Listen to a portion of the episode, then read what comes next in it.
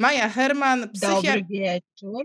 psychiatrka, psychoterapeutka, medinfluencerka. Czym się zajmuje medinfluencerka? Medinfluencerka to jest osoba, która wpływa pozytywnie na ludzi e, w zakresie medycyny. No to myślisz, że jestem medinfluencerką? Zdecydowanie tak. Super. Super, ale wiecie, to nie jest e, w ogóle naj... Znaczy, wszystkie rzeczy, które robisz są super.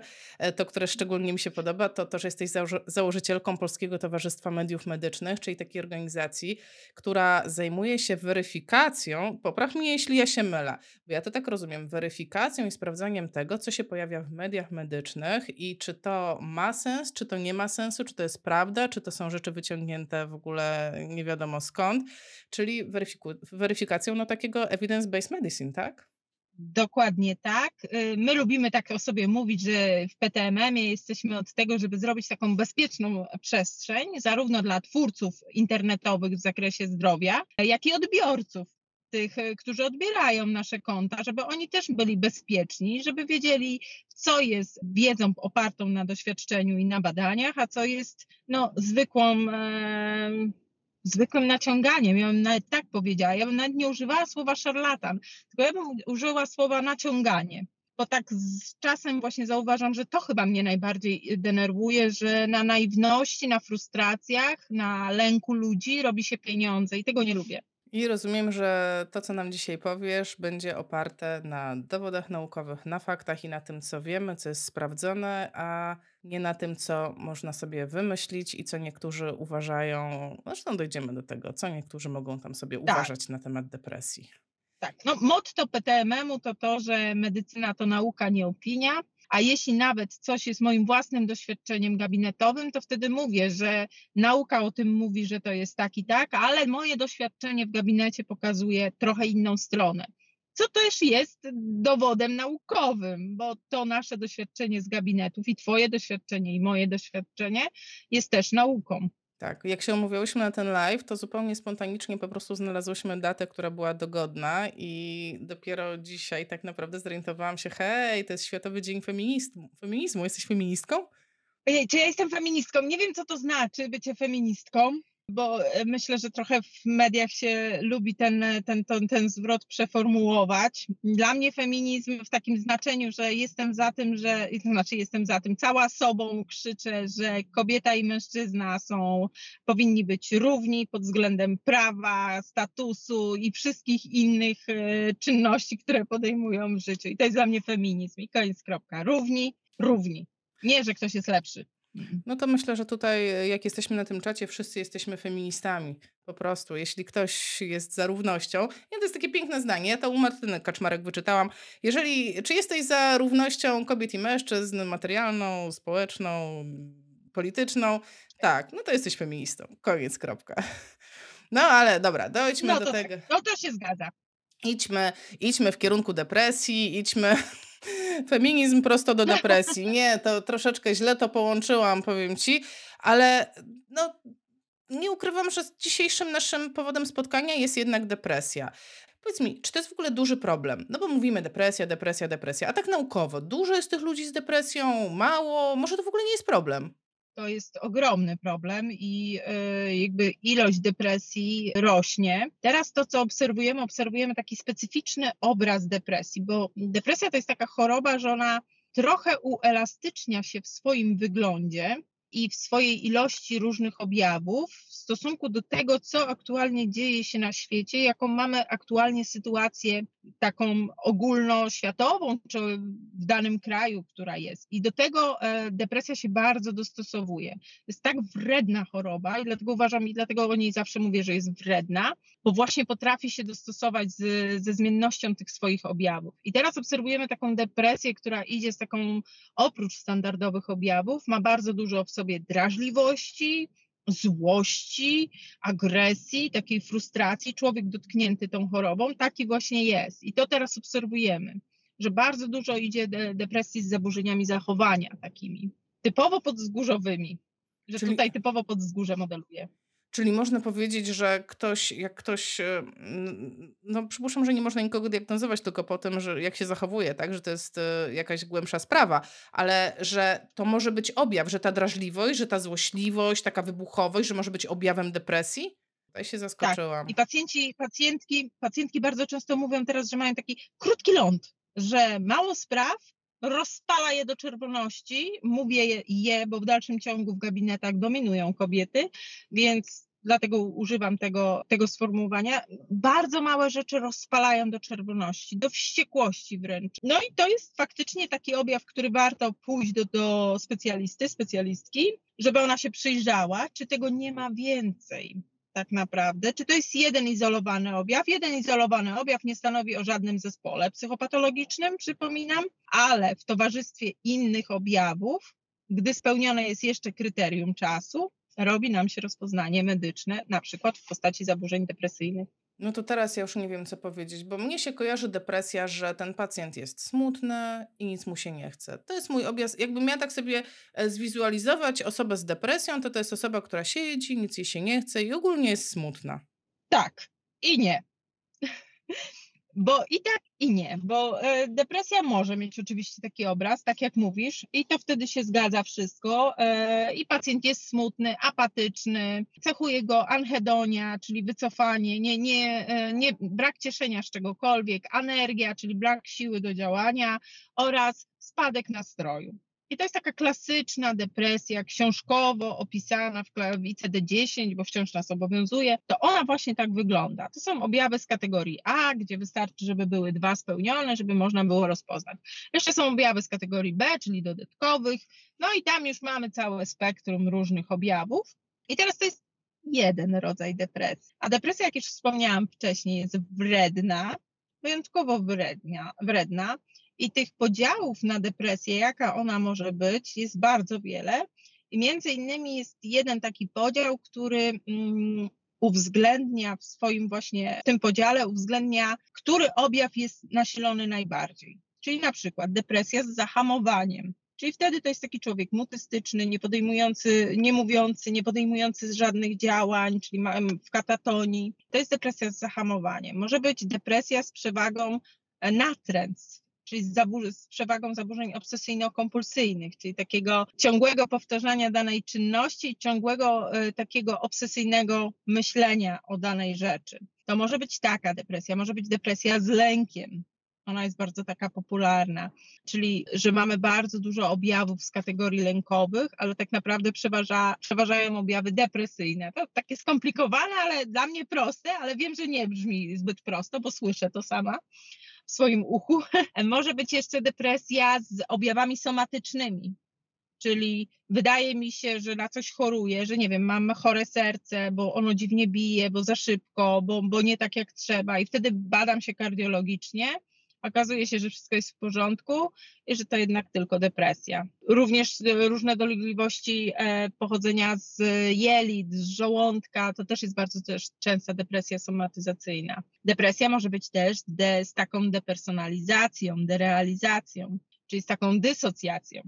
Czyli, że pacjentowi wydaje się, że jest poza ciałem, że jest poza sobą, że coś dziwnego się dzieje z jego ciałem, że jakoś inaczej wygląda, że ma wielkie ręce, wielki nos. Nie wiem, miałam pacjentkę, która miała wrażenie, że rosną jej piersi tak bardzo, że zaczynają to dusić. To takie poczucie było narastające. To jest takie, oczywiście kilkanaście minut to trwa i taki objaw, ten, ten, ten ostry taki rzut tej dysocjacji można przerwać różnymi metodami, no ale to jest też taki jeden z ciekawszych, z ciekawszych objawów, ta dysocjacja, która jest. I też może taka depresja być. No ale tak jak mówię, teraz obserwujemy taką depresję typową z zaburzeniami zachowania właśnie, z tą nerwowością, drażliwością, wybuchowością, zaburzeniami snu oraz zaburzeniami rytmów dobowych, bo wbrew pozorom to są dwie różne rzeczy, które występują, z czym jeszcze i z zaburzeniami różnego rodzaju aktywności, od hiperaktywność, i te miliony razy w ciągu dnia na latanie na siłowni lub robienie miliona ćwiczeń w ciągu dnia,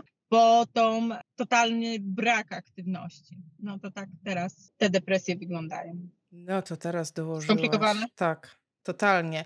Grażyna napisała Tak na czacie, Wiesz, Grażyna napisała, jesień sprzyja depresją. Też jest coś takiego, że mm, idzie to z porami roku?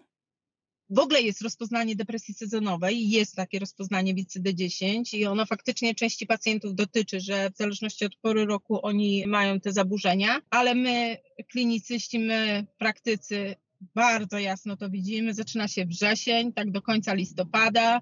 To jest y, taka, taki nawał pacjentów. Nawał. Do, dos, dosłownie to jest to słowo, którego chciałam użyć. Nawał pacjentów, bo wszyscy są pogorszeni. Ci, którzy już byli długo stabilni, przychodzi jesień, pogarszają się. Ci lekko poprawie, przychodzi jesień, pogarszają się. Rzadko który pacjent nie przechodzi źle jesieni.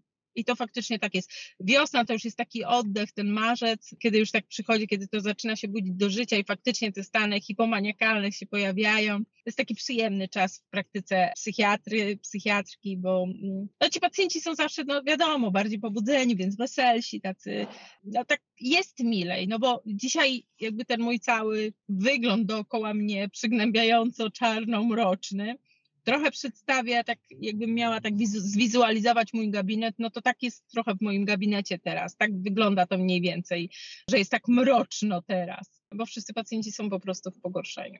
Wiesz co, a ja mam takie, mm, takie poczucie, wiesz, takie moje, że część z tych cech, które opisałaś i część z tej mroczności my widzimy, ale nie w związku z porami roku czy z sytuacją geopolityczną, tylko w związku z tym, na co ci pacjenci chorują.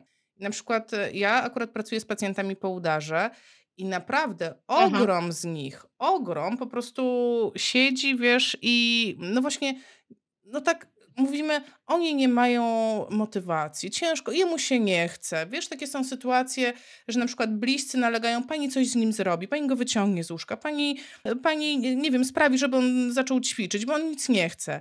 I ja się chciałam ciebie zapytać, czy depresja idzie w parze z jakimiś innymi schorzeniami? Czy można powiedzieć, tak, rzeczywiście, e, tak, mamy, obserwujemy takie zjawisko, że w jakichś chorobach, w jakiejś grupie chorób rzeczywiście koreluje to z depresją. Mamy coś takiego? Tak, depresja przyjaźni się przede wszystkim. I to jest przyjaźń e, bardzo trwała ze wszystkimi przewlekłymi stanami. Absolutnie z wszelkimi przewlekłymi stanami, czyli tutaj to, co mówisz, czyli udary, nowotwory, mm, choroby przewlekłe po prostu, takie jak na przykład, nie wiem, wrzodziejące zapalenie jelit albo różnego rodzaju inne e, problemy, to depresja jest jakby wpisana w przebieg tych, tych chorób prawie u każdego pacjenta wszystkie choroby reumato, reumato, reumatologiczne, wszystkie choroby neurologiczne, endokrynologiczne. No właściwie mogłabym wymienić tu wszystkie specjalizacje lekarskie, tam gdzie jest stan przewlekły. No widzisz, teraz my dostajemy takich pacjentów i ja nie mam żadnego narzędzia, żeby taką depresję rozpoznać. W ogóle tak zastanawiam się, czy ja jako fizjoterapeutka w ogóle powinnam się tym interesować, tak? No w końcu ja jestem to od ciała, ja jestem, no nie wiem, od tego, żeby on miał większą ruchomość, był sprawniejszy, większą siłę, bla, bla i tak dalej. No, czy ja w ogóle powinnam zwracać uwagę? Jeśli zwracać uwagę, to na co? Jak ty to widzisz? I to jest ta najważniejsza rzecz, którą właściwie przez przypadek się nie udało o mnie powiedzieć czyli mojej wielkiej miłości do fizjoterapii, pod, ze względu na to, że 12 lat pracowałam w klinice, w klinice psychiatrii w, w oddziale fizjoterapii na WUM-ie. Pod mojej ręki można powiedzieć, że wyszło dużo, dużo, dużo osób, dużo fizjoterapeutów i oni wszyscy wiedzą, że to wiadomo, że e, odpowiem na to, jak na to pytanie odpowiem, czyli że tak, fizjoterapeuta to jest ta osoba, fizjoterapeutka to jest ta osoba, która powinna i musi zwracać uwagę na to, w jakim jest stanie psychicznym pacjent, bo dzięki temu poprawia się jakość współpracy z tym pacjentem i zdrowieje ten pacjent.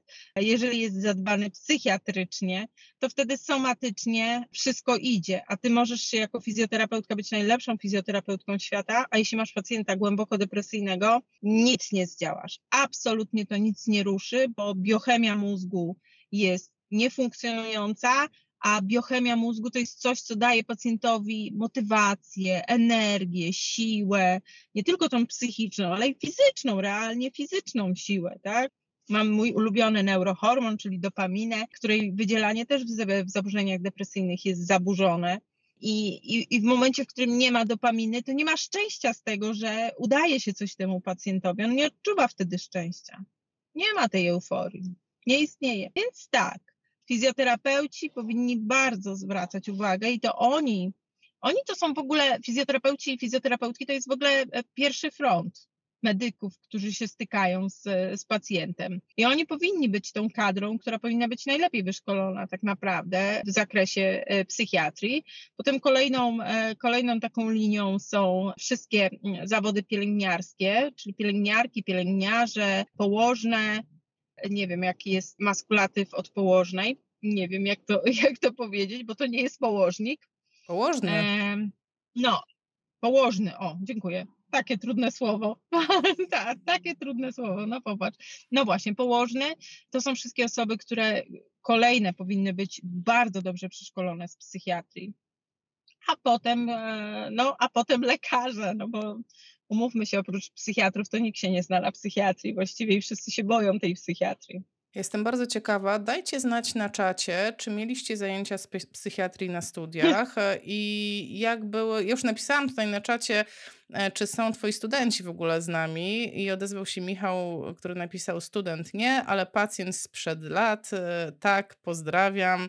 Michał tutaj bardzo pozytywnie pisał. Pozdrawiam. Tak, napiszcie, czy jesteście tutaj, czy, czy mieliście w ogóle takie zajęcia z psychiatrii. Ja miałam zajęcia z psychiatrii, mm, powiem ci, to nie z byle kim, bo miałam zajęcia z profesorem Lwem Starowi- Starowiczem, więc psychiatria mhm. była, ale ja nie mogę powiedzieć, że ja jestem w stanie wyodrębnić takie symptomy, e, wychwycić tego pacjenta depresyjnego, bo większość dni, wiesz, no to jest taka cecha ludzka, no tobie się chce ćwiczyć, Powiedz szczerze, tak chce ci się, tak, tak, tak masz taką werwę, tak, będziemy codziennie ćwiczyć. No, mnie się nie chce na przykład codziennie ćwiczyć, ale kiedy już poćwiczę, to jestem szczęśliwa i przypuszczam, że to mnie odróżnia od osoby z depresją, tak? Że on poćwiczy, nie poćwiczy tak. i on i tak nie będzie szczęśliwy, i tak nie będzie szczęśliwy.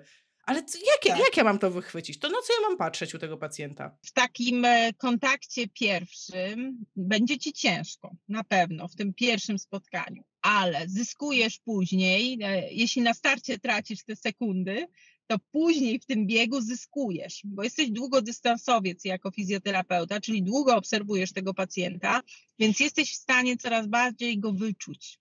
I to będzie kwestia tego patrzenia na niego i będziesz widziała, że on jest jednostajnie zmęczony, że jednostajnie nie ma siły, że to, co on, y, co u niego widzisz, odbiega od tej szeroko pojętej normy, którą znasz, że ludzie powinni prezentować.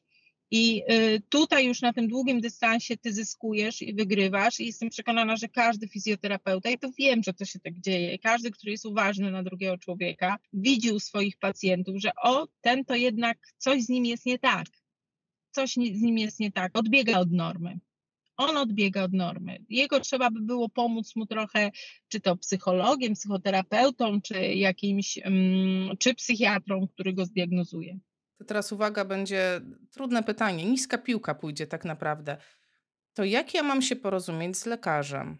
No bo zazwyczaj ten pacjent jest pod jakąś opieką lekarską. Zazwyczaj nie jest to opieka psychiatryczna, nie jest to opieka również psychologiczna. I teraz ja wychwytuję, że coś jest nie tak. Tak, ja widzę, że rzeczywiście no nie idzie mi z tym pacjentem. On nie chce wyjść z łóżka. Wiesz, taki mój taki przykład e, najbardziej chyba taki ostry. Miałam, byłam u pacjenta 8 razy. Wiesz, ja do domów e, jeszcze do pacjentów. 8 razy byłam. I on tylko raz zgodził się, żebym go dotknęła. Więc ja przyjeżdżałam, przekonywałam, przekonywałam, przekonywałam, e, tłumaczyłam, nie wiem, rodzinie, dlaczego na siłę pana nie wyjmę z łóżka. I to trwało 8 razy i ja się poddałam. Ale z drugiej strony, jak prosiłam o konsultację lekarską, to miałam taką, no nie, no nie widzę problemu, nie widzę problemu, nie widzę problemu. Daj nam jakiś taki mhm. sposób, jak, jakich argumentów użyć. Nie wiem, może mm, co zrobić, żeby... Powiedz tak, ja miałam taki live z Mają Herman i ona powiedziała, że tu trzeba. Oczywiście żartuję. Znaczy ja jestem mm, ze szkoły, że trzeba mówić wprost jasno, prosto, nie, że być może, wydaje mi się, y, znaczy tam wiadomo, że trzeba ten small talk do, do, do, dopasować chociaż trochę do tego odbiorcy, ale generalnie iść w prostą piłkę. Byłam na ośmiu spotkaniach, czy tam byłam na czterech spotkaniach, przy cztery spotkania pan się nie podniósł, mam bardzo duże podejrzenie, że to jest depresja, mogę się mylić, bo nie jestem lekarzem, ale mam podejrzenie i trzeba to e, zdiagnozować dalej. Takie jest moje zalecenie. Czyli notatka... Jestem za krótko. Proszę Tak, o diagnostykę. Notatka prosto, tak jest. Diagnostykę w kierunku zaburzeń depresyjnych. Koniec, kropka. Dobra. I za tym jestem. Nie bawić się tutaj w pitu-pitu, a pan doktor to taki mądry, a taki, taki zdolny. A myślał pan kiedyś o psychiatrii? A bo ja mam takiego pacjenta, mi się wydaje, że on psychiatryczny jest, a może by pan doktor zerknął? Mm. Nie, prosta piłka. No dobra, to patrz, leci No następna. wiem, że oni się będą, Tak, wiem, tak że oni jest, się jest będą o, o, o, obrażać. To ja wiem o tym, tak, oczywiście. A patrz, to druga trudna sytuacja. No ale ten pan już ma antydepresanty. Już, no cóż, ja już mogę. On już ma. to, że ktoś ma antydepresanty, wcale nie znaczy, że musi być na nich dożywotnio, że musi na nich być w takiej dawce i musi być na nim w takich zestawie. Bo jak wspomniałam na początku i będę się tego trzymać upierdliwie, mogę takie brzydkie słowo powiedzieć? Dobra, będę się tego upierdliwie trzymać, że depresja jest wyjątkowo wredną chorobą. Oznacza to, że w, w ramach jednego epizodu ona się lubi wymykać nam spod kontroli i dokładać różnych objawów, i wtedy trzeba zareagować lekowo. Po to są te wizyty kontrolne lekarskie, nie po to, e, żeby ktoś mi dał te kolejne 150 zł czy tam 250 zł do e, kieszeni i ja dałam mu paragon, tylko po to, żebym ja stwierdziła, czy trzeba tu coś zmodyfikować. Obniżyć dawkę, zwiększyć dawkę, dodać lek, odjąć lek lub całkiem zamienić. Po to są wizyty kontrolne. I nie trzymamy się myśli, że jak ktoś ma objawy A, B, C, D i dałam mu na to jeden lek, na przykład escitalopram, to znaczy, że on za każdym razem będzie na tym escitalopramie się poprawiał. Mm-mm. Bardzo często jest tak, że na przykład idą pacjenci na escitalopramie, to jest SSRI, poprawiają się i nagle po dwóch latach, bo przyjmują dwa lata i po dwóch latach jakby lek przestaje działać. W ogóle jakby magia się dzieje. No dzieje się, to jest zjawisko tachyfilaksji, niezwykle rzadkie przy e, escitalopramie, ale się dzieje, czyli jakby pacjent uodparnia się na dany lek. I trzeba zamienić na inną grupę leków i to pomaga.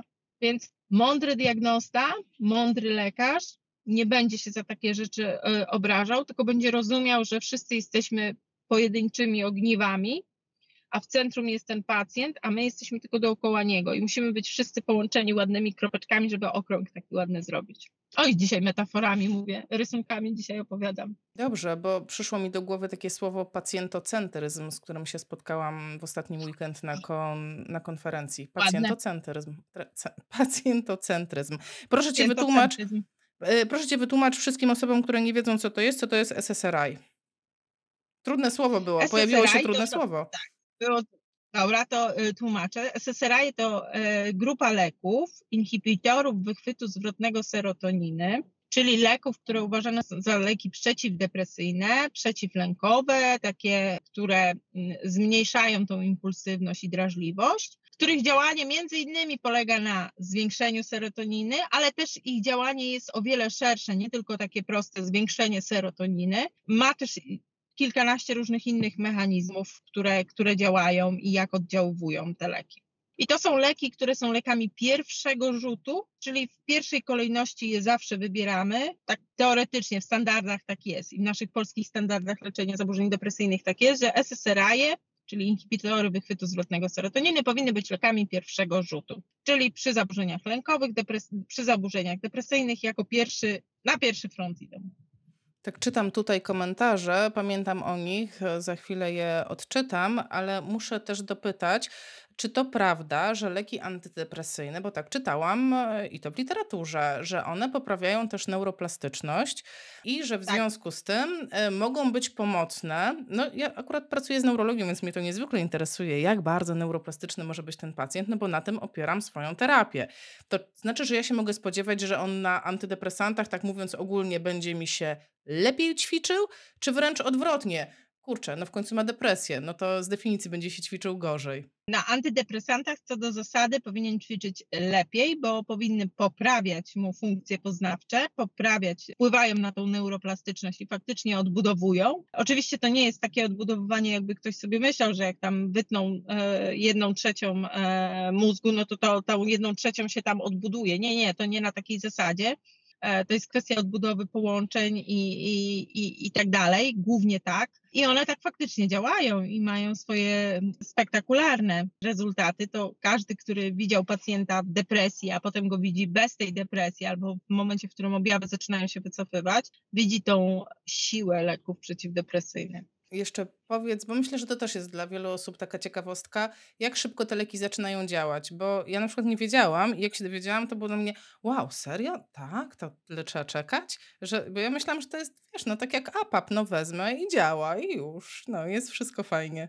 W psychiatrii jedną z e, trudności, jakie jest, to brak e, przyczynowo-skutkowości. I to ten brak przyczynowo-skutkowości polega na tym, że nie widać od razu rezultatów. I to absolutnie w każdej jednostce, praktycznie w każdej jednostce chorobowej. Czyli ja biorę, biorę lek i teraz przy antydepresantach mówimy w przypadku escitalopramu, mówimy o tym, że on już działa po tak naprawdę tygodniu, dwóch to jest taki e, najszybciej działający, ale średnio to jest 4 do 6 tygodni, kiedy coś zaczyna się zmieniać przy braniu antydepresantów. Po 8 tygodniach, bez kompletnie żadnego ruszenia w, żadną stronę, yy, myślimy o tym, żeby zamienić dany lek na inny lek, więc 8 tygodni.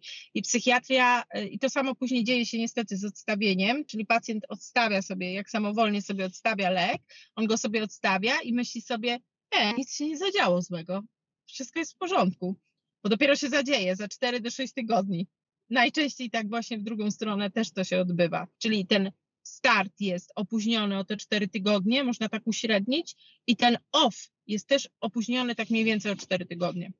Niesamowite. Przeczytam e, komentarz Sylwii a propos tego, mieliśmy, jaką mieliśmy psychiatrię na studiach trakcie studiów na zajęciach z psychiatrii i psychologii brakuje narzędzi dla fizjoterapeutów. Zwykle są to zajęcia, na których omawia się definicje chorób, zamiast zwrócić uwagę na to, w jaki sposób reagować na bardziej dopasowane do nas sytuacje, między innymi jak rozmawiać właśnie z pacjentem depresyjnym, jak reagować, gdy widzimy ślady samookolaczania czy przemocy na przykład i wiesz, było też od razu pytanie, jak reagować na to, kiedy pacjent nam mówi, że chyba się zabije albo że nie chce żyć. Wiesz, i to jest prawda. Ja mam do tej pory ja mam Bilikiewicza na półce i co z tego? I co z tego, że ja go mam? I co z tego, że ja nawet tam mam pozakreślane jakieś definicje, kiedy ja nie wiem, jak to wykorzystać w praktyce. Za czasów, gdy bardzo mi się chciało prowadzić zajęcia, To były czasy najlepsze. Potem różnie się zaczęło dziać na WUMie, więc ta moja motywacja do prowadzenia tych zajęć niestety też się zmieniła i to jest prawda.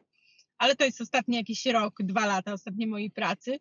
Ale wcześniej chciało mi się bardzo i moi studenci wtedy mieli przerąbane, bo robiłam im scenki, a mianowicie siadałam na krześle i mówiłam, no wszyscy byli dookoła, ja siadałam na krześle i mówiłam, jestem pacjentką, e, wy musicie ze mną teraz porozmawiać i będziemy na bieżąco rozmawiać i na bieżąco reagować e, i zastanawiać się nad tym komunikatem i nad tym, co się dzieje. No i ja tą pacjentką byłam wyjątkowo uciążliwą. Raz, że bardzo ciężką do diagnozy, bo zmieniałam się w zależności od tego, kto siadał naprzeciwko mnie i robiłam im różne rzeczy. Na przykład y, była, przychodziłam w obcasach i mówiłam, że mam uszkodzone kolano. No więc y, zaczynała się rozmowa. No dobrze, no to muszę panią zbadać, proszę e, zdjąć buty, a ja mówię, nie zdejmę. I zaczynało się. Ja byłam wyjątkowo uciążliwą pacjentką, to ja wiem. I to było hardkorowe były zajęcia, bo y, na przykład dręczyłam jedną osobę, że nie zdejmę butów bo ona musi, ja muszę być w obcasach, ja muszę zdjąć, w ogóle nie ma na to czasu i w ogóle e, robić trzeba. Pan, niech, niech, mi pani tutaj zada jakieś ćwiczenia, powie, co ja mam robić, ja już sobie wszystko zrobię. No ale ja muszę panią zbadać. Ja mówię, ale ja nie mam na to czasu. Albo zmieniałam się i na przykład zaczynałam kokietować, albo podrywałam facetów i zaczynałam uwodzić, a on to taki przystojny, taki piękny, a coś tam, bo chciałam ich nauczyć, że jak pacjentka czy pacjent uwodzi, to natychmiast wychodzimy i zapraszamy do gabinetu trzecią osobę, bo to jest taka sytuacja z uwodzeniem, o której się zapomina, że to się trzeba zrobić, bo jak uwodzi cię pacjent czy pacjentka, natychmiast prosi świadka. Natychmiast. Albo właśnie mówiłam, że, albo krzyczałam na nich, albo mówiłam, że kim ty, ty jesteś, nikim, że żaden, na, co z ciebie za ani lekarz z ciebie, ani żaden medyk, takie, takie nic po fizjoterapii. O Jezu, jak oni się wtedy niby wiedzieli, że to jest tylko ćwiczeniowo, a gotowali się równo tam na tych zajęciach. No miałam też zajęcia, robiliśmy ze scenki, że niby ktoś chce się zabić i co wtedy zrobić, jak mówi. I trzeba pamiętać, że jak ktoś zgłasza myśli samobójcze, to w pierwszym momencie nie wychodzimy i dzwonimy po karetkę, tylko zaczynamy rozmowę po prostu ale co takiego się dzieje, a może o tym opowiesz, albo pan, pani, to zależy jakie tam są stosunki, tak? Ale taką rozmowę y, spuszczającą trochę napięcia z tego pacjenta, żeby ten pacjent miał poczucie, że został wysłuchany, zadbany, że jest ktoś obok, kto, y, dla kogo jest to ważne, że on mówi, że chce się zabić. I to jest już tak, myślę, że z 60% sukcesu i już 60% mniej myśli samobójczych i intensywności tych myśli samobójczych. Oczywiście, jeśli to jest osoba, która ponawia i mówi, że zaraz skoczę i widzimy to, że ona jest tak rozedrgana, że faktycznie jest nieobliczalna, no to faktycznie to jest ten moment, w którym e, dzwonimy po karetkę pogotowia, bo tym są aktywne myśli samobójcze, stanem zagrożenia życia. Jak ktoś ma zawał na, e, przed nami się zatrzymuje, upada, zatrzymuje się, przestaje odzywać, przestaje oddychać, nikt nie zastanawia się, czy dzwonić po karetkę, tylko chwytamy i dzwonimy za karetkę. Jak ktoś nam mówi w rozedrganiu płaczący, że zaraz pójdzie na wieżowiec i skoczy, to zaczynają się rozkminy, co tu zrobić, jak co zrobić. To samo, co jak się zatrzymuje, dzwonić po karetkę pogotowia. To jest to samo. Już mam ciarki. Jeżeli ktoś mówi, wiesz, bo to też kwestia jest oczywiście tego komunikatu, jak ja bym ci powiedziała. Jakbym powiedziała ci to na zasadzie, Pani Asiu, to jest ciężko mi, czasami mam tak dość życia, dzisiaj też mam dość życia, nie chce mi się dzisiaj żyć, naprawdę mi się po prostu nie chce żyć, po prostu najlepiej to bym wszystko to trzasnęła i, i tyle. Zadzwoniłabyś po karetkę pogotowia? Nie, porozmawiałabyś ze mną, potraktowałabyś mnie jak człowieka, po prostu byś ze mną porozmawiała. Jak ja bym ci wpadła do gabinetu, rozpłakana, o, pan mnie rzucił, to koniec świata. Ty do mnie mówisz, a ja nie, to koniec świata. Ty dalej do mnie mówisz, a ja nie, nie, nie, nie, nie, to koniec świata, to już jest koniec. Nie ma ze mną kontaktu. Nie, nie jesteś w stanie nawiązać ze mną kontaktu, nie jesteś w stanie przebić się przez moją e, rozpłakanie, histerię, którą mam w tym momencie. Dzwonisz po karetkę i do widzenia. Nie cackasz się. Tak jakbyś się nie cackała, jakbym się nagle przed tobą zatrzymała krążeniowo, prawda? Tak. Wiesz, Co z samookaleczeniami? Nie udajemy, że nie widzimy samookaleczeń, bo y, to jest też ważne pytanie, bo tam się pojawiło.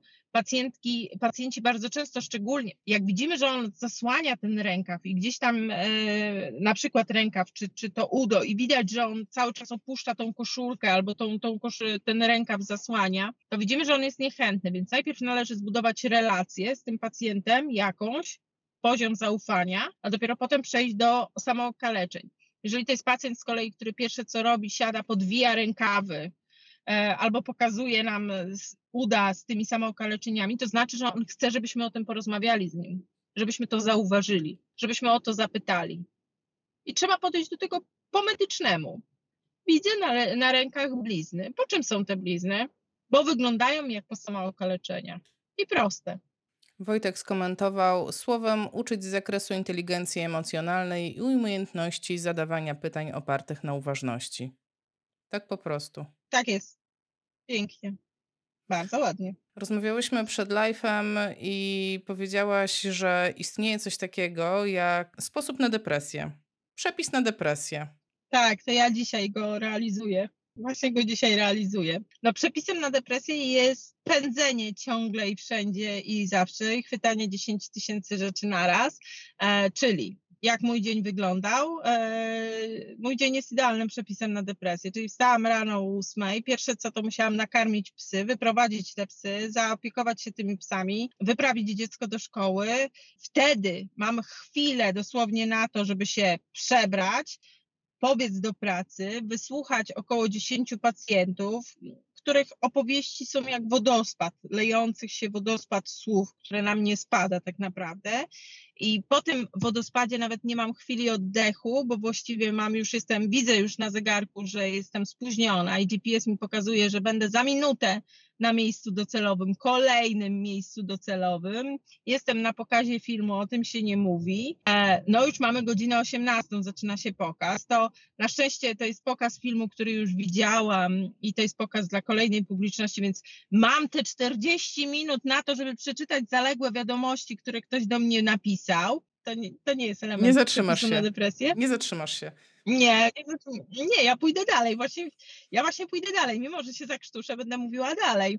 Chociaż już odczuwam ból w klatce piersiowej. I to jest właśnie ten sposób na depresję. Ja robię ten pokaz, robimy ten pokaz, po pokazie mamy dyskusję, która jest gorąca i niezbyt y, łatwa do, do, do zrobienia, a zaraz potem udzielam jeszcze, w międzyczasie udzielam jednego wywiadu dla TVN-u, drugiego wywiadu dla Radia Nowy Świat, a potem wpadam do samochodu, żeby zrobić live'a z tobą, który notabene uważam, że jest jedną z przyjemniejszych rzeczy dzisiejszego dnia, mniej obcią- najmniej obciążający, ale jednak to jest sytuacja, w której ja muszę być, y, przynajmniej sprawiać pozory, mam nadzieję, że to sprawiam, uważności i w prezentowaniu, bo, bo muszę się skupić na tym, co mówię jednak, mimo wszystko. Staram się przynajmniej, żeby nie był to bełkotem, nie było to takim jednym wielkim bełkotem. I co, kończy się dzień, jest która? 21.30, tak? Praktycznie rzecz biorąc. Ja jeszcze wciąż, wciąż nie byłam w domu. Ja nawet nie wiem, co moje dziecko robi. Na szczęście ma drugiego rodzica, więc jest zawsze jakaś szansa, że jednak nie jest głodny.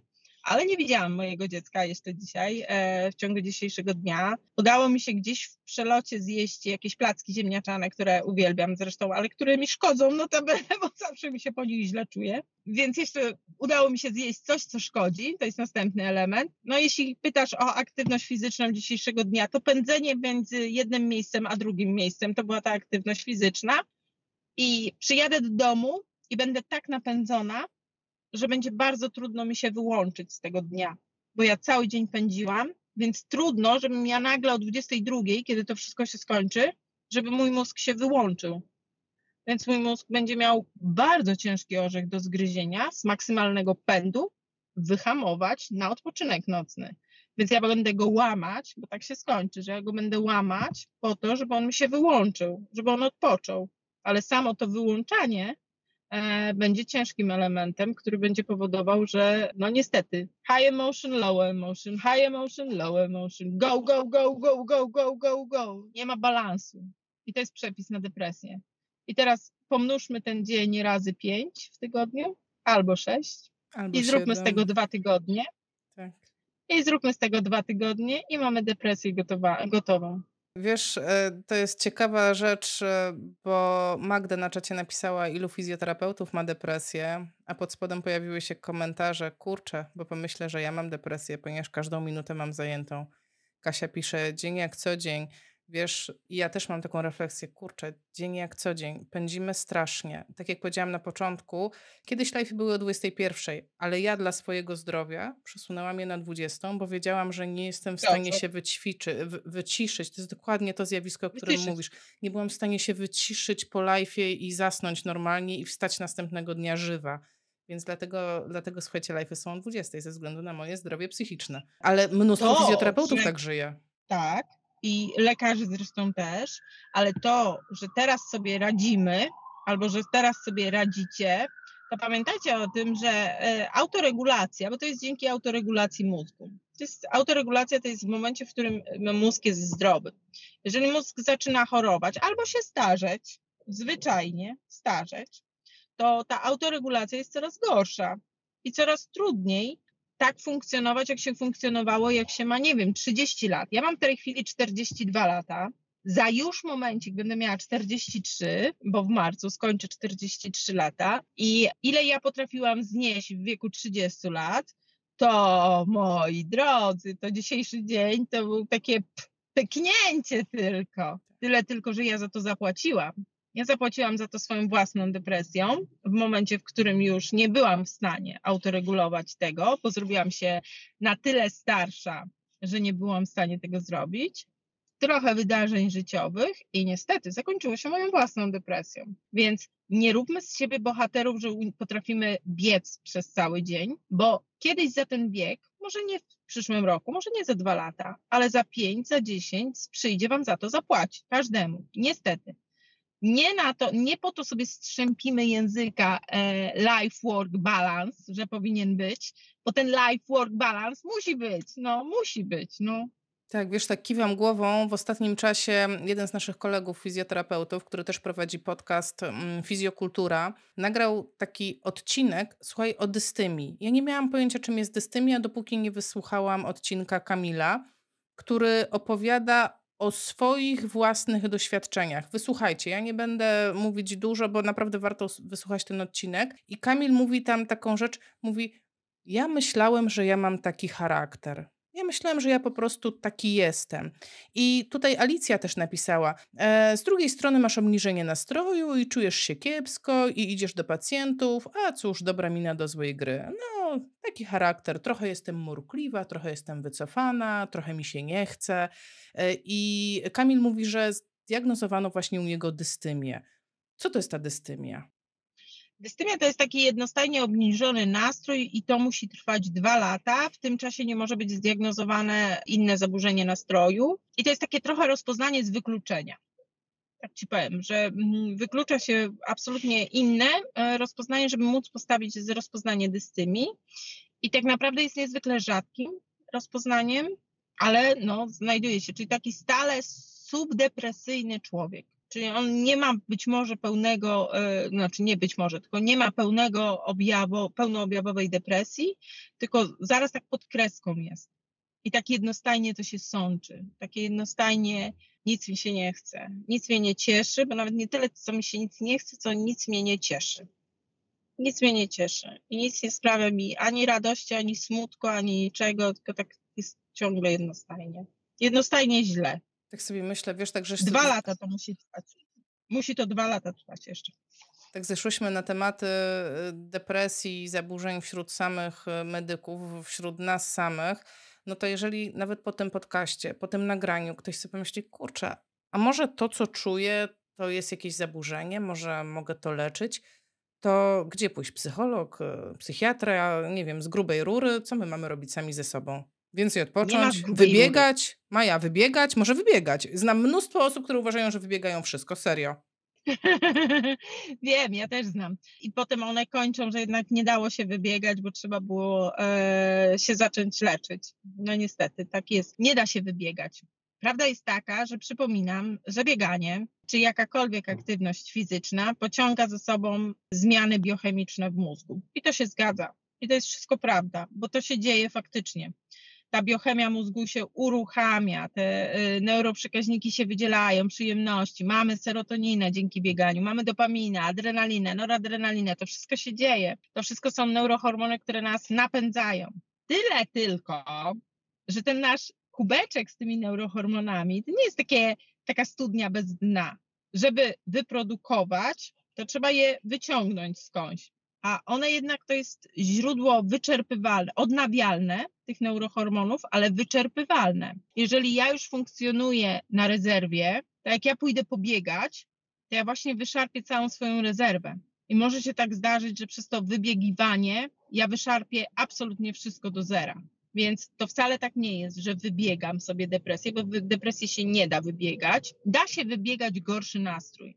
Da się wybiegać gorszy dzień, gorsze parę dni. Tak, oczywiście, że tak, ale nie chorobę. Chorobę jako taką się nie da wybiegać. Chorobę trzeba wyleczyć. Tak sobie myślę, że jako fizjoterapeuci w tym momencie powinniśmy się pochylić nad doborem odpowiedniej formy aktywności fizycznej dla osób ze zdiagnozowaną depresją i odpowiedniego obciążenia, bo z tego co mówisz, Obciążenia, to tak. nie będą, nie dla każdego będą, jakby nie dla każdego będzie wszystko, tak? Jak mam osobę z depresją, to wiem, że ona te swoje w cudzysłowie kubeczki ma wyczerpane, ona już nie ma z czego, nie, nie ma z czego wytwarzać tych y, hormonów szczęścia, tak to nazwijmy. Więc jak ja ją podgonię, no to ja jej nie pomogę tym, tak? To nie będzie pewnie bieganie. Tylko tak. To będzie coś spokojniejszego. Tylko spacer na przykład spacer. Spacer jest bardzo ważną częścią. I to wcale nie jest tak, że fizjoterapeuta nie jest potrzebny do spaceru. Bo i czasami trzeba, są tak ciężkie, czasami e, tak ciężkie postacie depresji, że jedyną aktywnością, na jaką pacjent ma siłę, jest spacer. I bardzo długo ten spacer jest tą jedyną aktywnością. I ten fizjoterapeuta jest wtedy towarzyszem w tym spacerze. Może pomóc, może coś dodać do takiego spaceru.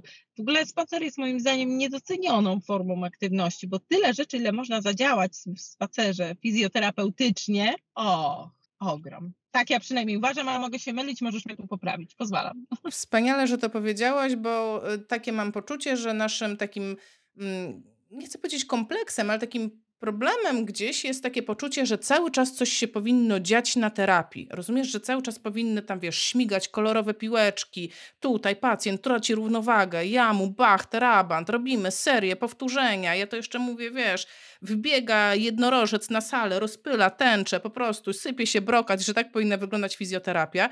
A im dłużej pracuję, tym bardziej skłaniam się ku temu, nie, nie, spokojnie, zróbmy to dużo spokojniej, zróbmy to w takim respektowaniu potrzeb i możliwości tego pacjenta. E, Więc no super, super, bardzo się cieszę, że to powiedziałaś. Po prostu muszę ci przeczytać kilka przy, pytań z czatu, bo są bardzo fajne. Ciekawe, jak e, radzić sobie z problemem, kiedy pacjent odmawia pomocy psychologa, psychiatry, bo uważa, że jest mu to niepotrzebne, obarczając winą żonę, mówiąc, że ona chce go wysłać do wariatów. No to jest standardowy problem, że nie chce pomocy. Ja ze mną jest wszystko dobrze, to wy jesteście nienormalni. Trzeba wtedy wyjść, trzeba wtedy ze swojej pozycji autorytetu, ym, bo fizjoterapeuta, przypominam, jest autorytetem dla pacjenta. I wyjść z pozycji autorytetu, autoryteta, autory, trudne słowo, nie powiem go. Wyjść z pozycji autorytetu, zostańmy przy tym, i powiedzieć z tej pozycji, moim zdaniem potrzebuje pan tego. Potrzebuje pani tego, potrzebuje pani psy, y, konsultacji psychiatrycznej. Może się okazać, że nic nie trzeba, może się tak okazać, ale tej, moim zdaniem, według mojej opinii, jest to potrzebne. I teraz, jeśli pacjent odmówi, to wtedy przypominamy sobie starą zasadę, którą ja się nauczyłam w pierwszych latach swojej pracy. Pacjent ma prawo spieprzyć swoje życie według własnego uznania. Więc jeśli my mu mówimy, co powinien zrobić, a on tego nie robi, uznajemy jego prawo jako prawo jego ludzkie, jako prawo człowieka, do tego, że ma prawo zadecydować inaczej.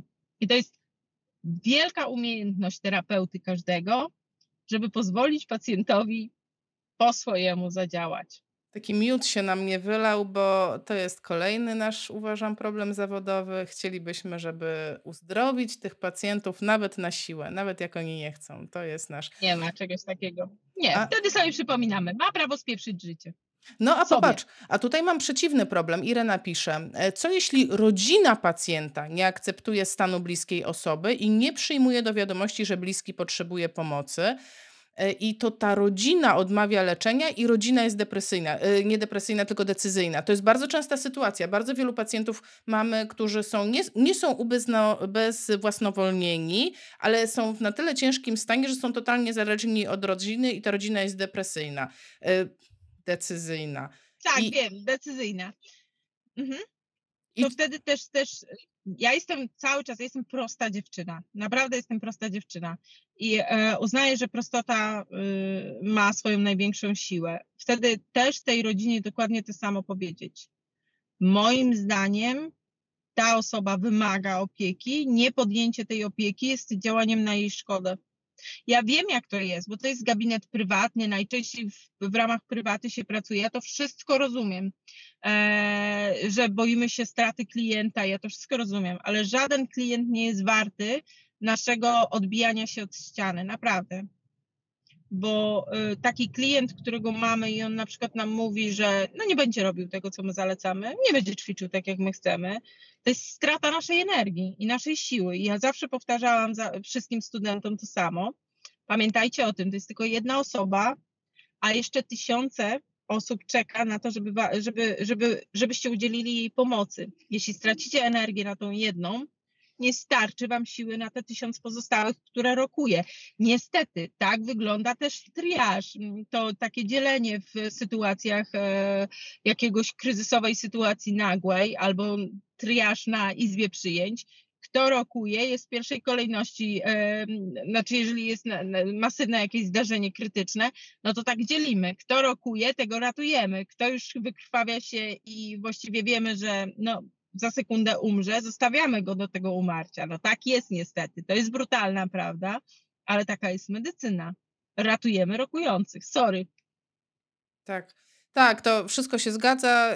To jest temat na zupełnie, powiedziałabym, inną dyskusję, dlatego że my często mamy taki problem. Osoby pracujące z, na kontrakt z Narodowym Funduszem Zdrowia, to tam wiesz, Masz liczbę spotkań No. i musisz, po prostu Tak. musisz. Masz 20 spotkań, chce, nie chce i to wiesz, jakby twoja wina, że on nie chce. Jakby nikogo to nie obchodzi, że on nie chce. Tak, jest 20, rodzina ciśnie, trzeba, bo trzeba. No to są trudne sytuacje, tak? Powiedzmy szczerze, są trudne. E, Ale przeczytam pytanie Kamili, bo to bardzo fajne pytanie. Ile godzin pracy w ciągu dnia jest w porządku dla naszego zdrowia psychicznego? Czy są jakieś wytyczne? Bo mam wrażenie, że wszyscy za dużo pracujemy. Znaczy wytyczne są fantastyczne. W krajach skandynawskich już je wprowadzili. Czterotygodniowy dzień pracy.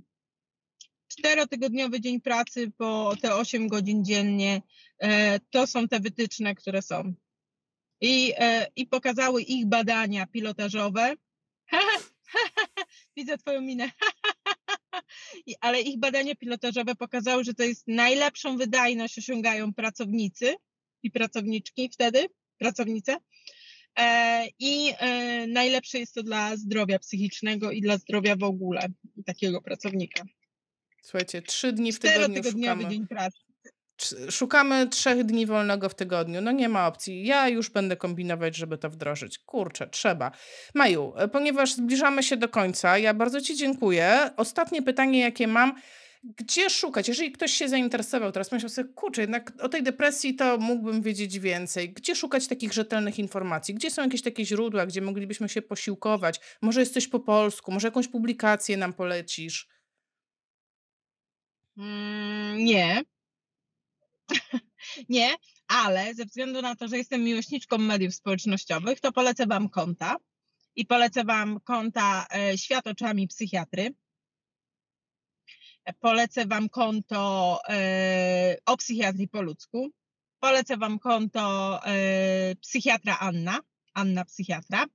E, I to są takie konta, które Wam z czystym sumieniem polecę na mediach społecznościowych. I jeszcze mama psychiatra. Och, jak ja mogłam zapomnieć o Monice. Jeszcze mama psychiatra.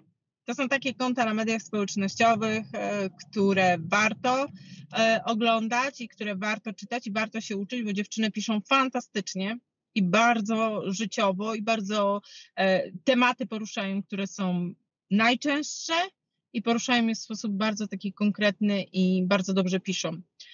Można też wejść na stronę Polskiego Towarzystwa Mediów Medycznych. Tam w zakładce zweryfikowane jest tam tych kilku psychiatrów, których wymieniłam. Chyba, chyba jeszcze jest nawet ktoś jeszcze, ale to trzeba by było sprawdzić, zobaczyć.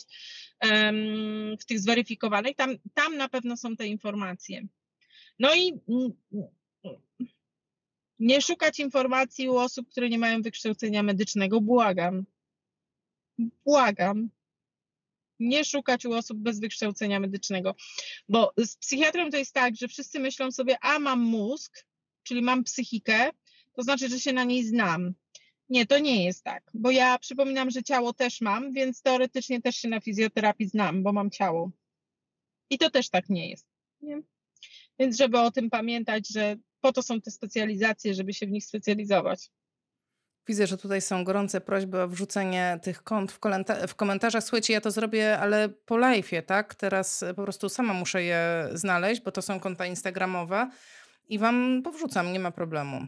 To zrobię po prostu później albo mm, tego czwartego dnia, kiedy będę pracować. Ym, Dobrze. Było jeszcze jedno pytanie. Tak, było jeszcze jedno pytanie, takie mm, już merytoryczne, ale pozwolę sobie go nie odczytywać. To jest pytanie Marka, e, bo po prostu myślę, że już czas zwolnić Maję, żeby pojechała do domu. Mam nadzieję, że ta godzina spędzona z nami nie Mam nadzieję, wpłynęła. że syn mój, mam nadzieję, że mój syn żyje. Ja mam nadzieję, że mój syn żyje. To jest tylko jedno. I że ktoś psy nakarmił, bo nie wydałam dyspozycji, że o 19 trzeba psy nakarmić. Więc mamy nadzieję, że psy żyją, że zostały nakarmione. Tak, to jest. Ja to, ja to totalnie rozumiem. Wszystko rozumiem. Po prostu wszystko, co mówiłaś. e, Ja miałam przez większość czasu ciarki. Więc e, słuchajcie, no może to jest też taki dla nas bodziec. Muszę kończyć, bo No. policja przyszła. Tym bardziej. To dzięki. Cześć! Już. Tak, tak, tak, już panowie.